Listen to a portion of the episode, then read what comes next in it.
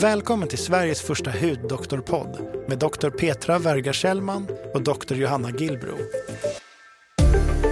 Johanna och Petra kommer hjälpa till att guida er genom allt som är värt att veta om vårt största organ, nämligen huden.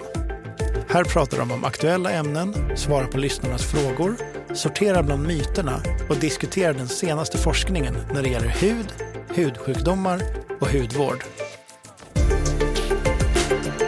Den här podcasten presenteras i samarbete med Skinom och Diagnostiskt Centrum Hud. God förmiddag. Hej, god förmiddag.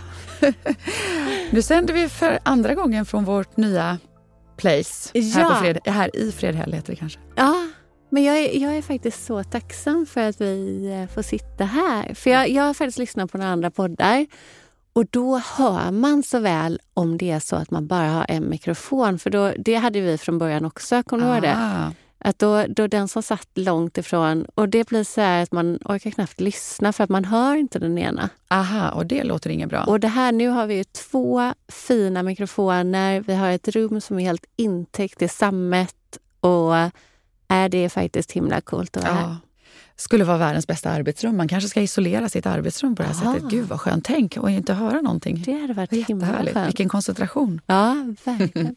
vi har ju en studie nu på, eller vi har flera studier nu under våren så att vi, vi har massa personer inne hos oss. Det är Mhm. jättekul. Kul. Och det är Har ni jätteroligt. så lika värderade, värde, värderat Nej, vi ombonat? har ju inte det. Men jo, vi har väldigt ombonat. Alltså jag måste säga, jag, är, jag trivs så bra i vårt nya kontor. Du har ju varit där. Ja, det var jätte, jättefint. Ja, och det är Fin nästan så utsikt att och- jag känner att jag vill, Vill bo flytta där. in där. Ja. Ja, faktiskt. Ja, men det på är riktigt, trevligt. jag, jag, jag känner så.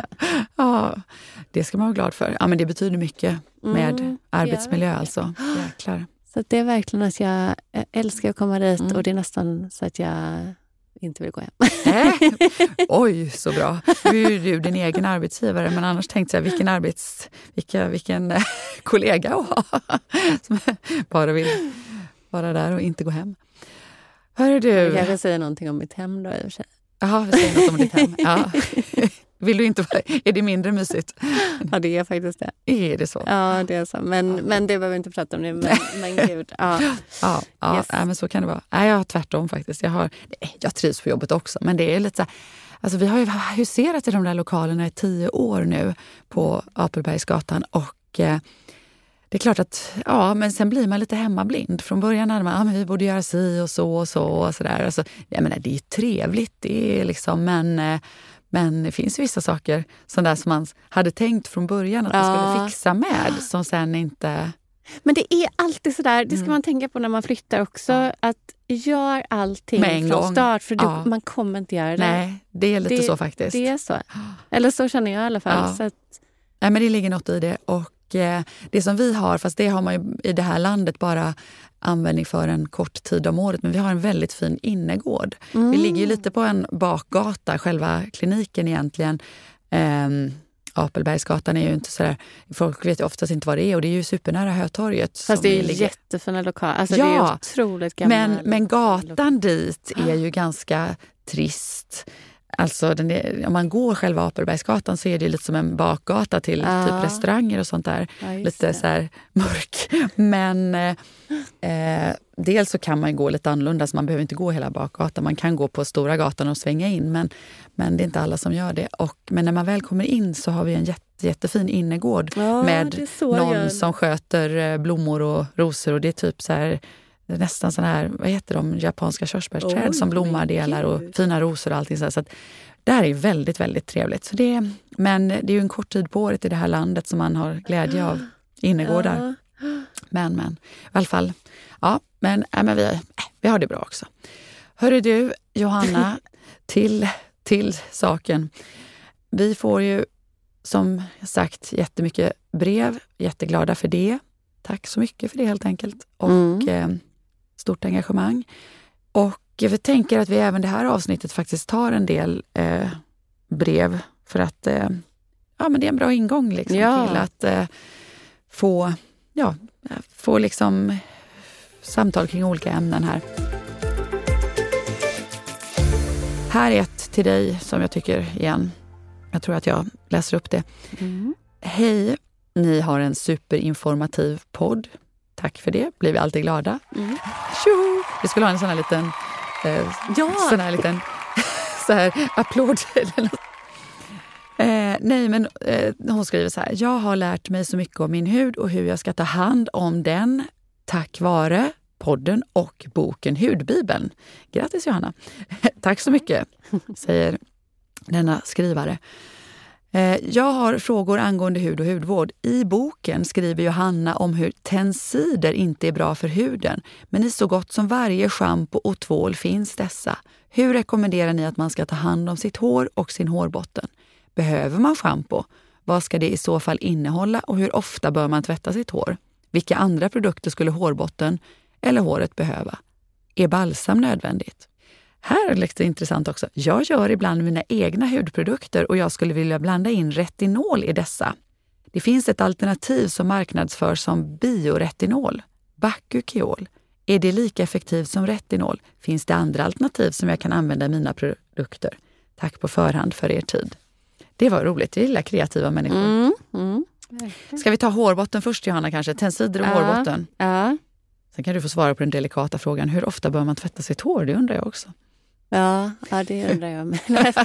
Nej, för, för, det, för det måste jag säga, jag är ingen hårbottenexpert och Nej. ingen hårexpert egentligen.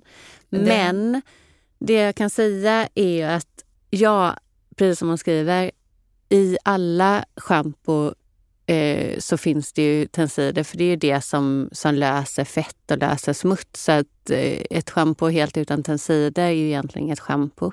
Nej. Så att det, det måste man ju ha om man ska ha ett, liksom tvätta bort det här fettet från håret. Vill man det då? Ja, intressant. Det finns ju många som faktiskt ja. slutar tvätta håret och, och, tycker att man... Det finns ju inga vetenskapliga studier på det om, om, om det är så att man minskar liksom fettproduktionen för att man tvättar sig mindre. Det kan mycket väl vara så. Och det, det finns ju många som beskriver det, att slutar man tvätta håret så, så blir det inte lika fett. Eller så har man vant sig, ingen... tänker jag ibland. Jag vet inte. Ja, Nej, men ja. Jag har faktiskt jag har observerat det där. På, jag, jag, tycker faktiskt att det verkar... Ja, det finns någonting som är väldigt intressant i det där. Och, och tycker man, det finns ju inget egenvärde egentligen i att hålla på att tvätta håret. Nej, nej. Men jag skulle ju inte sluta tvätta mitt hår, tänker jag. Men någonting som, som jag tycker när man väljer schampo, något, något det är att undvik i alla fall de mest kraftfulla tensiderna. Och vilka är det då? Ja, men ett exempel är SLS, Sodium Lauryl Sulfate. Och det är ju ett sånt här, ja men det, det här är lite intressant parallell för nu, vi testar en ny kräm på, eh, på jobbet eh, som är en, ja egentligen, och det är intressant med tanke på förra avsnittet, egentligen så är det en eh, vitiligo-kräm mm -hmm. som har effekt, som man har sett har effekt eh, för att återpigmentera vitiligo. Men vi testar också det, det här, ja, de här ingredienserna nu för att minska irritation, för att dämpa en inflammation. Mm. Och då har vi gjort så att vi eh, inducerar inflammation. Just det. Eh, och det gör vi Med genom SLS. SL, ja, SLS. Så att vi har, vi har på och vi vill inte rekrytera försökspersoner det, så vi, till det här, så vi har gjort det på oss själva egentligen. Men eh, då har vi, så jag har haft det förra veckan, koppar. Eh, små koppar som man köper som man klistrar fast på huden mm. och så har man det 24 timmar med då SLS. Men är det högre koncentrationer då än i schampo? Eller det är klart, man har ju inte schampo 24 timmar mot huden heller. Nej, precis. Det är samma, ja. det är samma ja. koncentrationer. Det är till och med mindre, okay. lägre koncentrationer. Mm. Vi, har, eh, vi hade 1 procent nu, men vi, vi såg att det fungerar även med 0,5 procent. Okay. Och det är ju för att man har det så mm. länge mm. på huden. Så det är egentligen lägre koncentrationer mm. än vad man normalt sett använder. Eh, men på 24 timmar så får vi ju verkligen inflammation och det blir helt rött mm, och det mm. blir liksom, hela barriären har uh, påverkats otroligt mycket. Så, att, så eh, låt mig gissa då, man har ja. till exempel inte SLS i ansiktskrämer eller något sånt där? Nej, det kan ju inte finnas. Inte i ansiktskrämer, men däremot i, i rengöringsprodukter ja, det, finns det ju mycket det, SLS. Men det sköljer man ju av då så att. Ja, Ja. ja. jag fattar. Ja, men det nej, är ändå ja, så att, att det löser ju verkligen, det löser ju också mm, fettet mm. på huden. Mm, mm. Likadant som det löser fettet I i hårbotten. hårbotten, och i håret. Mm. Så jag skulle då rekommendera att, att välja ett schampo som är testat för känslig hårbotten. För då använder man ju mer milda tensider. Men tensiderna kommer alltid finnas Mm. Just där i ett det. schampo, annars är det inget schampo. Eh, och sen till frågan om balsam. För balsam innehåller ju också eh, emulgeringsmedel i alla fall. Mm. Eh, och det är ju inte där för att lösa fettet. Men vad jag gör till exempel i mitt hår som fungerar väldigt bra, det här är bara så här personlig rekommendation, det är att jag tar ju aldrig balsam i hårbotten. Nej. Jag tar bara det i längderna. Det tror jag står på egentligen var och varannan eh, balsamflaska. Att Ja. man nog ska göra det. Så att det, det låter ju vettigt. För jag har, kan, jag har samma erfarenhet. Jag tar oftast balsam i topparna och så har jag råkat, f- ibland så råkar man få det över hela hårbotten. Då blir det ju rätt, liksom, eller inte alltså hårbotten, men det är väl att man fått det mer upp i håret. Ja. Liksom. Och då blir det ju lite tungt. Eller Ja, det alltså, det är någon flottig känsla. Liksom. Ja. Så det är väl klokt i och för sig. Men behöver man balsam? Vad gör balsam egentligen? Nej, du är ingen hud och hårexpert heller. Inte jag Ja, heller. nej, men jag ty- det, ehm, det mjukar ju upp. Det är ju egentligen, egentligen är det lite samma som en hudkräm, Mm. ett balsam. Det innehåller ganska mycket liknande ämnen faktiskt i balsamet. Mhm. Så att, så att eh, det, det mjukar ju upp Mm. själva Mm. håret Mm. helt enkelt. Mm. Ja. Men så att man kan väl säga så här, vi kan definitivt eh, kanske avråda för allt för mycket. Eller, eller, eh, men jag menar, om man inte har en känslig hud, tänker jag, är de där tensiderna... Alltså reagerar man inte så kanske man inte behöver liksom engagera Nej, sig jättemycket i det heller. Liksom. Om, man, om man har problem med hårbotten och huden och så vidare, det är då man kanske ska börja... men jag tror igen att övertvättar man precis Mm. samma sak som man övertvättar Ja. ansiktet så kan man ju orsaka problem. Det, det, så, jag så jag tycker absolut att man ska... Eller hur, hur ofta tvättar du håret förresten? Ja, men jag, kan, jag kanske bara tvättar två gånger i veckan för jag försöker att inte Ja. tvätta så himla mycket. Och det gör jag med. Ja. Två till tre gånger i veckan. Eh, så att jag, jag tror inte man ska gå och tvätta sig i hårbotten varje dag. alltså. Nej, nej, nej, nej, nej, det tror inte jag heller faktiskt. Men eh, nej, så att... ehm, ja. Men menar jag, det är svårt att säga någon generell rekommendation. Men jag menar ur ett hud och, hår, hud och hårbottenperspektiv så kanske man inte ska tvätta varje dag. Men sen vet jag att det är många som gör det ändå. Men, det, men, men om vi bara ska råda så tänker jag ja, men tvätta så, precis som med ansikts, t- t- Mm. precis som med kroppshuden. Ja. Att eh, tvätta så lite som möjligt. Använd mildare detergenter, alltså Mm. tensider. Och då kan man ju undvika där SLS. Eh, ta balsam i längderna. Mm. Få inte in det för mycket i hårbotten. Men det är Eh. mer av kosmetiska skäl nästan. Att det, ser inte, eller att det är inte något som, som irriterar eller skadar hårbotten. Det eller? kan, det kan Ja, det ju kan det. irritera. Det är ju också, om du har en skör hårbotten Mm, mm, tänker jag, så mm. är det ändå... Balsam innehåller ju också konserveringsmedel, Jo, det är parfymämnen och så vidare. Mm. Ja. ja, jag vet inte, vi kanske inte kommer längre med det här. Jag, jag säger så här, jag är inte heller någon hud och hårbottenexpert bortsett från alltså, då, jag menar, sjukdomar och problem Ja. med hårbotten. Det brukar vi kunna hantera, men det är ju lite, det är lite på en annan nivå det här. Så att, eh, ja, jag säger väl eh, ja. Men vi kan ju ta den här Bakuchiol. Ja, det var Ja. det jag tänkte hoppa Ja. vidare till, Ja. förstår du. Eh, för att denna, denna kreativa individ gör då ibland egna hudprodukter Mm. och blandar in retinol. Vad säger du om det? då? Finns det, Kan man köpa eget retinol eller är Bakuchiol lika effektivt som är retinol? Det tror jag inte va, om jag får Nej, gissa. Men, nej. eh, Och, och det här är ju... Jag tycker absolut inte att eh, Bakuchiol är, är någonting speciellt att hänga i granen faktiskt. Nej, okej. säga. berätta. För, eh, nej, men vad man har gjort, jag tycker det är en ren marknadsföringsingrediens. Eh, man har man då säger, ja, men marknadsför den som bioretinol. Nej, men det här är en, en eh, ingrediens som kommer från naturligt ursprung och eh, så har man gjort lite så här gen ja, men tittat på genuttryck i huden och sett att ja, men vissa gener liknar det uttrycket som sätts igång med, med retinol. Men eh, det gör ju, jag menar, du kan få, spiller du lite öl på handen eller någonting annat på handen så kan du också trigga gener precis på samma sätt som, som retinol. Så att allting triggar ju gener. Skulle vi klia oss på handen så har- får vi också, ökar vi vissa genuttryck. genuttryck. Liksom. Så, att, Okej. mm. så det där är, tycker jag är mm, ja, men verkligen marknadsföring. Och jag tog faktiskt ut en artikel ah, innan eh, det här avsnittet. Så 2020 så kom det faktiskt ut Cosmetic Commentary Is Bakuchiol the new skincare hero?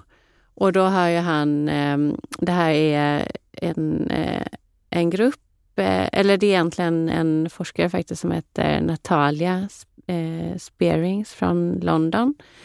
Och eh, då har hon tittat på eh, olika studier, alla studier egentligen som är gjorda på Bakuchiol.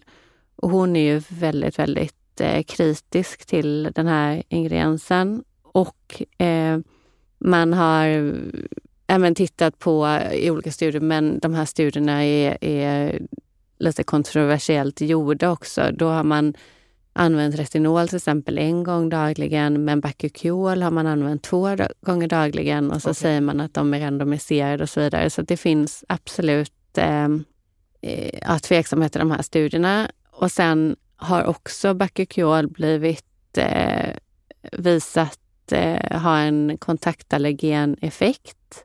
Så att eh, jag, jag skulle säga att eh, du kör, kör helt enkelt inte tummen upp för Bakuchiol Nej, om jag har förstått nej, dig rätt. också. Och det, det, I historien så, har, så ser man ju det här att, att eh, det finns många ingredienser som marknadsför Mm. som retinoid-like effekt. Mm, mm. Men, eh, men det, är- ja, det, det är ju inte det.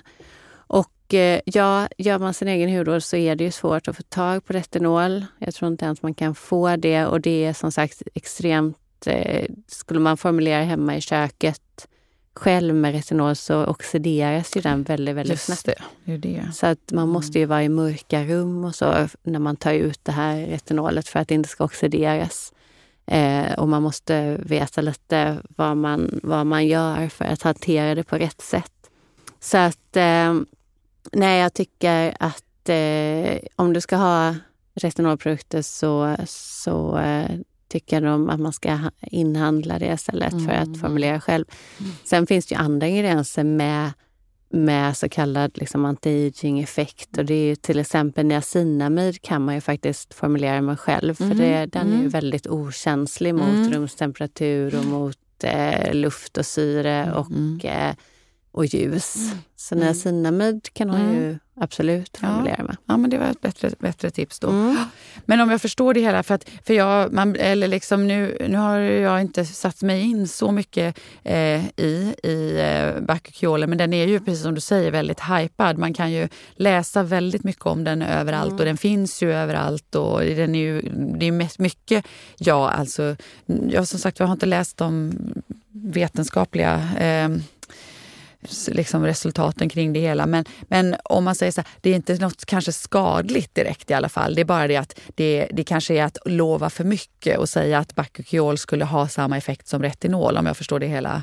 Ja, Rätt. fast däremot så finns det rapporter om, eh, om fall där man har sett en kontaktallergi okej. av Ja, ja, ja, applikation av Bakuchiol.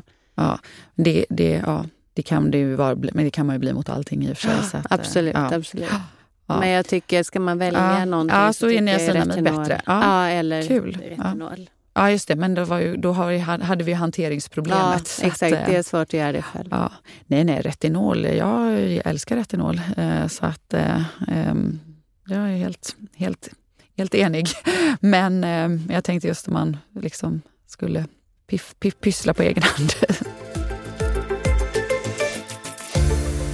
Ja, då har vi en fråga om keratosis pilaris. Och eh, då har vi en kvinna som skriver in. Hej, tack för en superbra podd. Verkligen guld värd information. Det blev vi så glada för. Tack så Ratatatada. mycket. Tror du ska hitta en liten fanfar. Lätt? Ja. Jag har en fråga gällande keratosis pilaris. Något som jag och många andra lider av. Finns det något sätt att lindra rodnaden? Går det överhuvudtaget? Jag har själv haft oturen att få det även i ansiktet och har därmed ständigt röda kinder. Den skrovliga strukturen löses relativt enkelt med bra hudvård. Men det röda förblir. Finns det hjälp för det här? Mm. Ja, en eh, lite komplicerad fråga. Hon skriver, det som är hon skriver ju lite här insiktsfullt att eh det som vi också upplever, om man så säger rent kliniskt, att det går ju att lösa det här skrovligheten ganska mm. bra med eh, hudvård då. Vi kan ta det först, liksom, för att för en del Keratosis pilaris är ju ett tillstånd som ger lite så knottrig hud kan man säga. Framför allt det vanligaste är att det sitter på överarmarnas mm. utsidor. Men det kan även sitta på låren och eh, som sagt var, en del kan faktiskt även ha det då i ansiktet. Oftast då ganska liksom långt ut på kinderna så att säga eh, sitter det som, som mest. Och, eh, och mekanismen och varför man får det är tyvärr genetisk. Mm. Det är bara en genetisk variant. Mm. Det är vanligare hos de som även har atopiskt eksem. Men även andra man, som inte har det kan få så att säga mm. keratosis pilaris. Jättevanligt tycker jag bland också en del.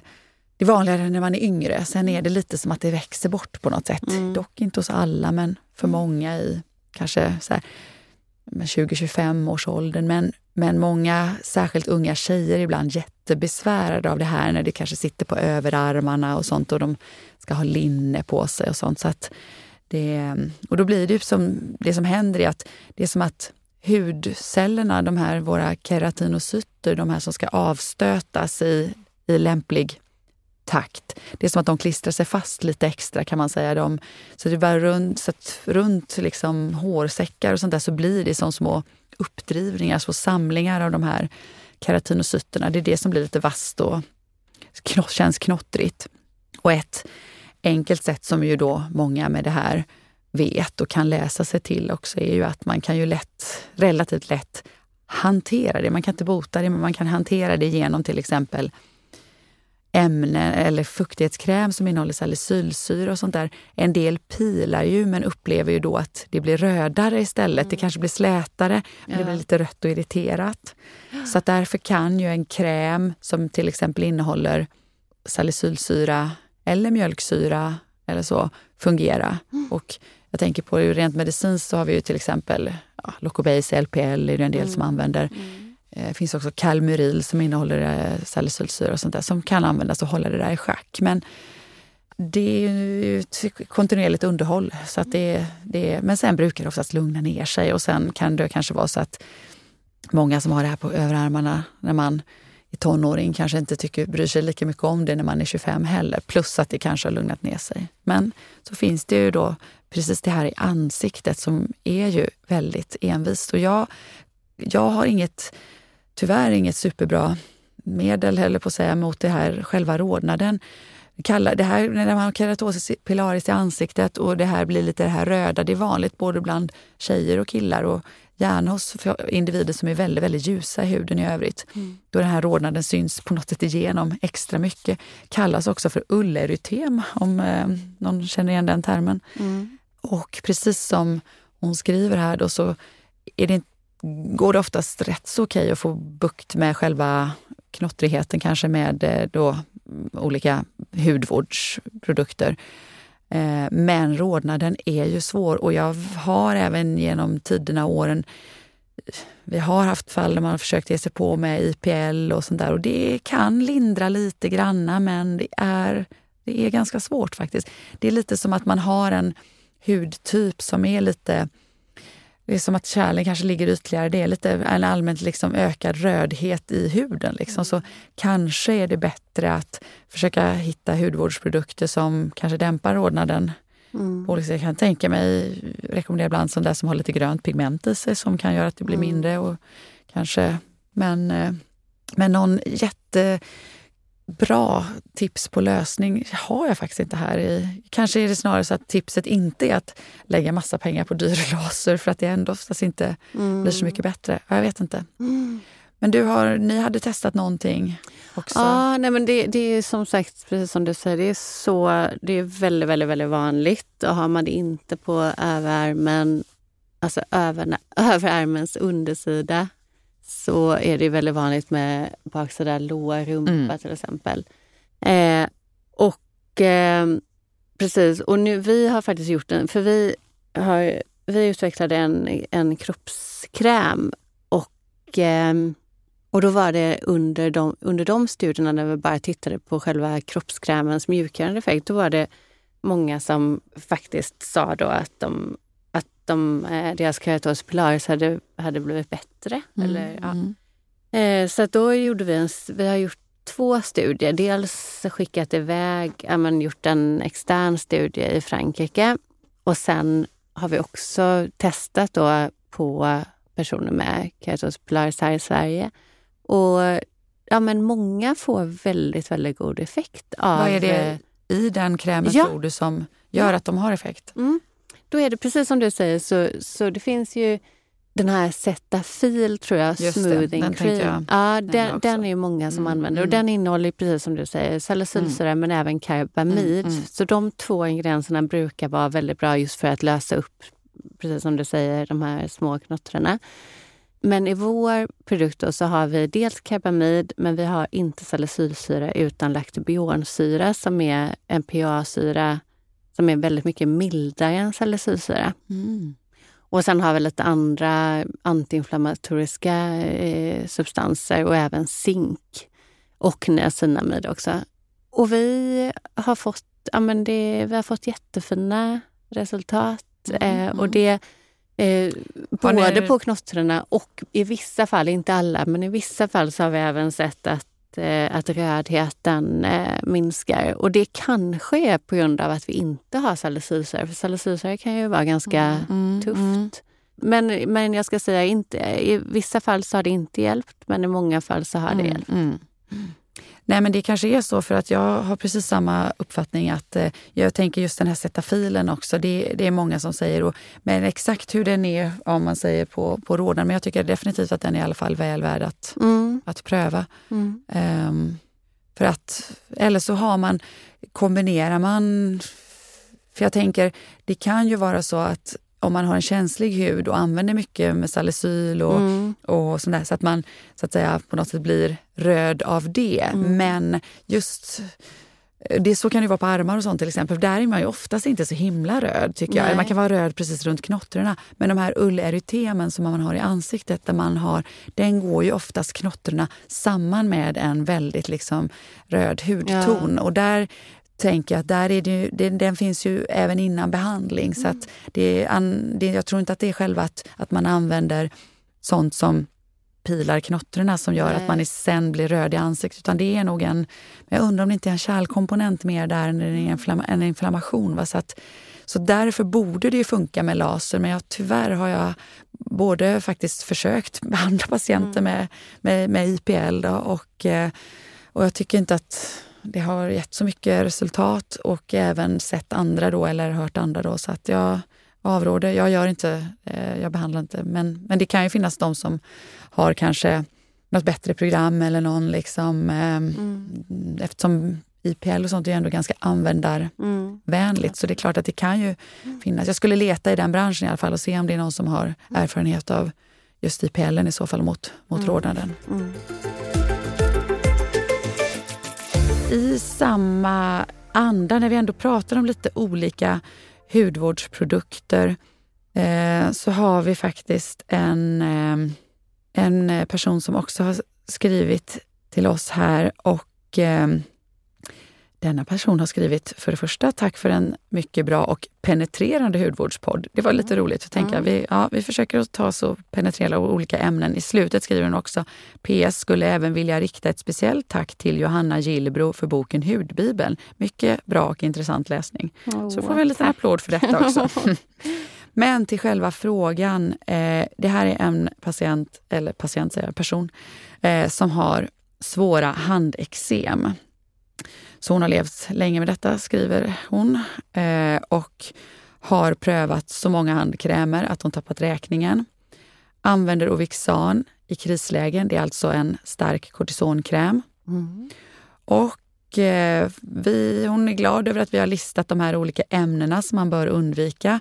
Till exempel då fenoxyetanol, SLS och eteriska oljor. Och upplever själv att hon verkar reagera på detta. Och det stämmer ju med att det det är sånt som vi har avrådit ifrån. I alla fall för de som har känslig hud får man väl säga. Mm. Och då kommer frågan här nu, har vi några produkttips på krämer, handtvål som inte innehåller det vi har listat och samtidigt skulle vara bra för huden. Och, eh, och så skriver också att hon använder i dagläge, dagsläget Miniderm huvudsakligen och undrar om den är okej ur vår synpunkt. Um, och eh, då, jag, bara, för jag tänker så här, för att eftersom jag, jag är, i mitt, i mitt lilla hudläkarperspektiv så tänker jag många gånger att ja, men Miniderm är bra, innehåller glycerol som är återfuktande och så vidare. Jag, jag tror att vi hudläkare har inte alltid riktigt tänkt på om det kan innehålla saker och ting som inte är bra. Liksom. Utan vi, vi har några, liksom, tycker att ja, men det är bra. Använd, använd Canoderm, Miniderm för det innehåller liksom, glycerol och det innehåller eh, ja, karbamid och sånt. Men kan det finnas något negativt i de produkterna, tänker du? Glycerol kan absolut vara bra återfuktande i låga koncentrationer och gärna då i kombination med andra återfuktande ämnen, till mm. exempel mm. karbamid. Mm. Men 20% alltså tar du 100 glycerol eh, så är ju det kraftigt irriterande. Mm, Om du bara mm, tar 100 mm. glycerol. För en del, ja. 20% tycker jag, jag tycker att det är för mycket. Sen Innehåller den då kolesterol? Ja, men det är bra. Dels så tycker jag att har man 20% glycerol så tycker jag egentligen inte att man ska behöva konserveringsmedel. För glycerol i så höga koncentrationer eh, har faktiskt konserverande effekt. Mm, mm. Eh, så Meniderm, för att göra saker och ting kortfattat, tycker jag inte är förstahandsval. Nej, nej. Nej, det är, och jag har inte så mycket andra egentligen tillägg eftersom jag tycker mest att ja, det, vi är ju lite sådär ibland att ja, men det som man trivs med, det som återfuktar, det, det, det är för att det inte är tillräckligt mycket studier gjorda heller på om man titta, skulle titta specifikt på, på de olika eh, krämerna så har man ju inte, men det finns ju ingen som har gjort en jämförande studie och är Miniderm bättre än Canoderm för handkräm eller för, förlåt, för handexem till exempel. Så att eh, det blir mycket därför blir det mycket från vår del att, att liksom... Att det, vi har inte, det finns ingen som har gjort en sån klinisk studie liksom, och tittat så här.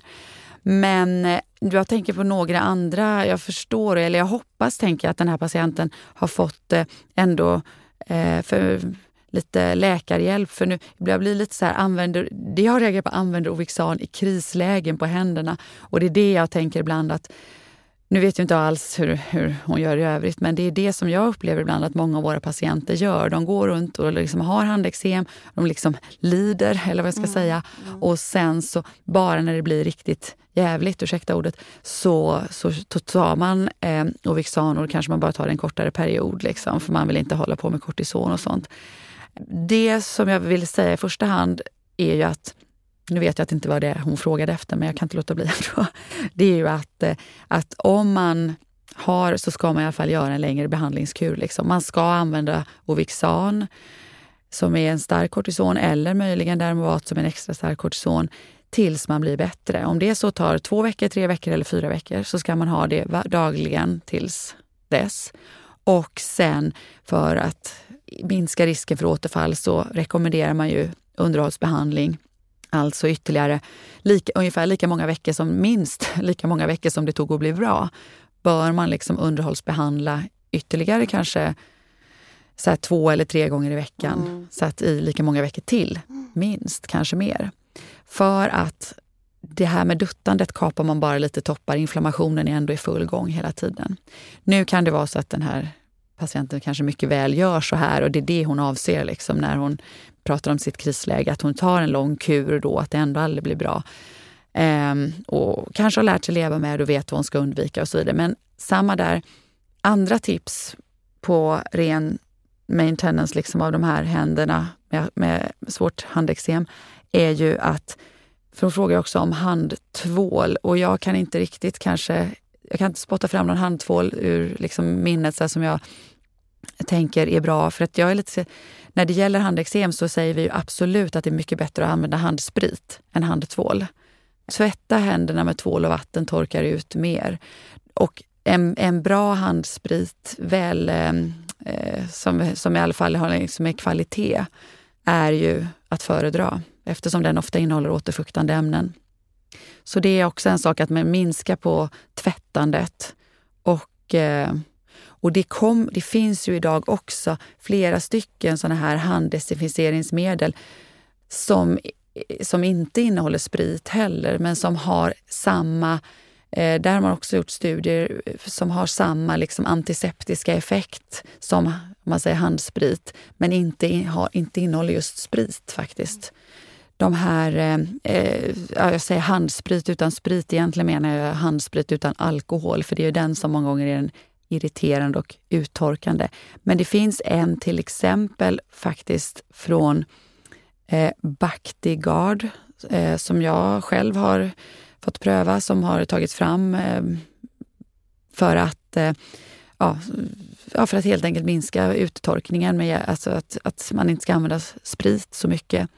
Och även eh, ett annat litet uppstickarföretag som heter Bio PH har eh, gjort en alkoholfri handelsinfektion eh, som eh, jag har prövat och de är klart mindre uttorkande än, eh, än eh, att använda handsprit. Så att, eh, och även att använda tvål och vatten. Så det är väl en av de sakerna jag absolut skulle vilja slå ett slag för. Att, eh, ehm, att köra mera handdesinfektionsmedel än tvål och vatten i alla fall.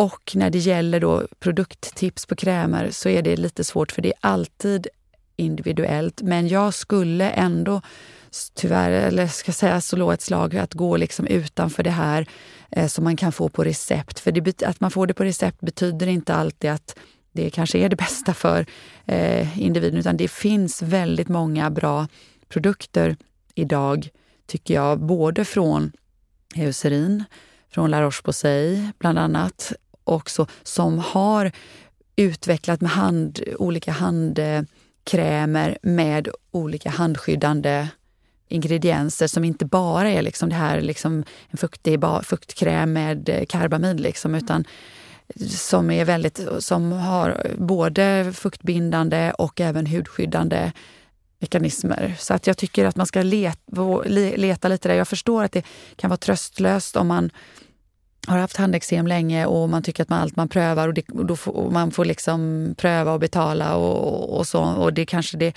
blir så att man tycker att ja, men då tar jag tar det där gamla som jag får på recept i alla fall, för inget annat kanske ändå är bättre. Men jag gör ändå säga, utan att kunna säga någon exakt produkt som passar för just en enskild individs händer, så skulle jag vilja rekommendera att man ändå botaniserar lite i det faktiskt eh, segmentet för eh, de här lite nyare produkterna med eh, olika hudskyddande ämnen.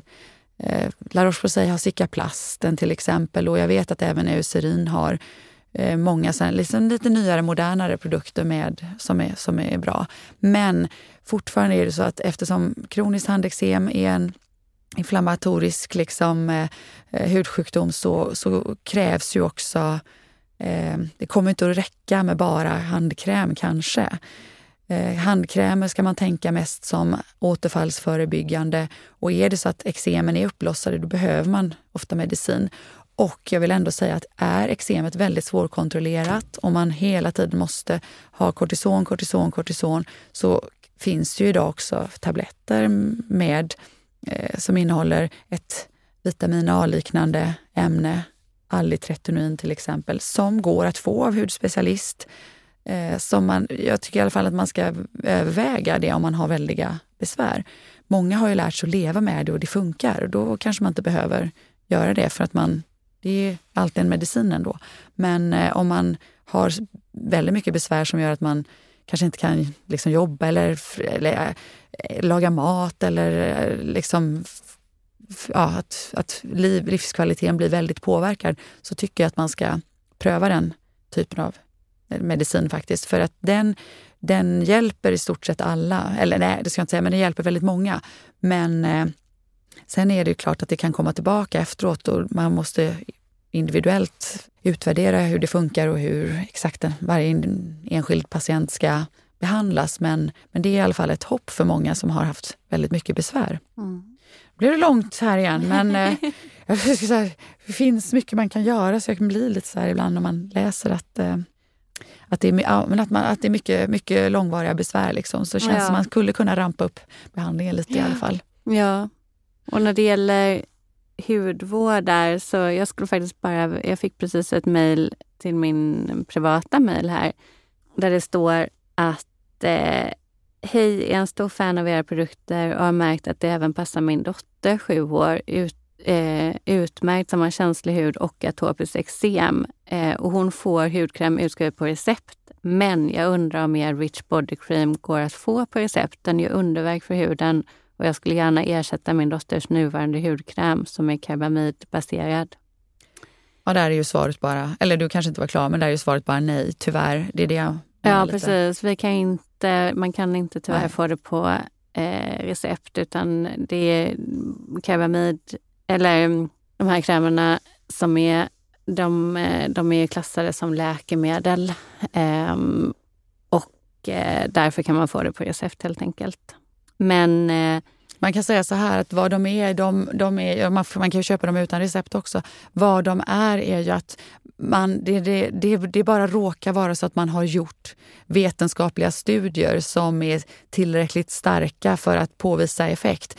Och därför så kan man eh, eh, godkänna dem som då, eh, eh, som, precis som du säger, som ett läkemedel. Det betyder ju dock inte att allt annat inte har effekt. Det kan jag tror att det finns massor av produkter mm. ute på marknaden som till och med har bättre effekt, mm. men ingen har studerat dem som på ett sådant sätt att det kan ligga till grund för att eh, Läkemedelsverket eller TLV då skulle liksom mm. säga att det här kan liksom offentliga vården betala. Så det är det. Liksom. Så att man men, men sig... idag, precis. Ja. Men Nej, men jag, för, för, idag så är det ju jätte det är en otroligt lång process att klassa någonting som ett läkemedel. Ja, men jag menar det. det. Men det, jag tycker det allra viktigaste är att sök ja. det som man tycker funkar, även om det kostar lite mer. För att, det, det, att man får det på recept betyder inte att det är det bästa. Det är bara det Nej, jag liksom vill exakt. säga. Exakt. Utan Nej. det finns mycket annat som är bra. Ja.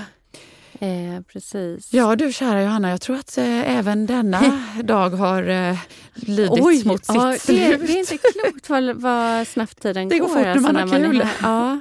Även vi har ju faktiskt roligt ändå när vi får, liksom, ja, får på, något, på ett indirekt sätt samtala med er om olika problem i alla fall. Så att, eh, ja, tack för verkligen. att ni har lyssnat. Ja, tack så hemskt mycket. Och igen, det finns ingen podd utan er. Så mejla in era frågor till huvudoktorerna gmail.com så tar vi upp era frågor i podden. Eh, och det är det som gör vår podd. Så tack så hemskt mycket för alla frågor till dagens avsnitt. Yes. Och ha en fantastisk dag. Och tack för att ni lyssnar. Tack. Hej, hej.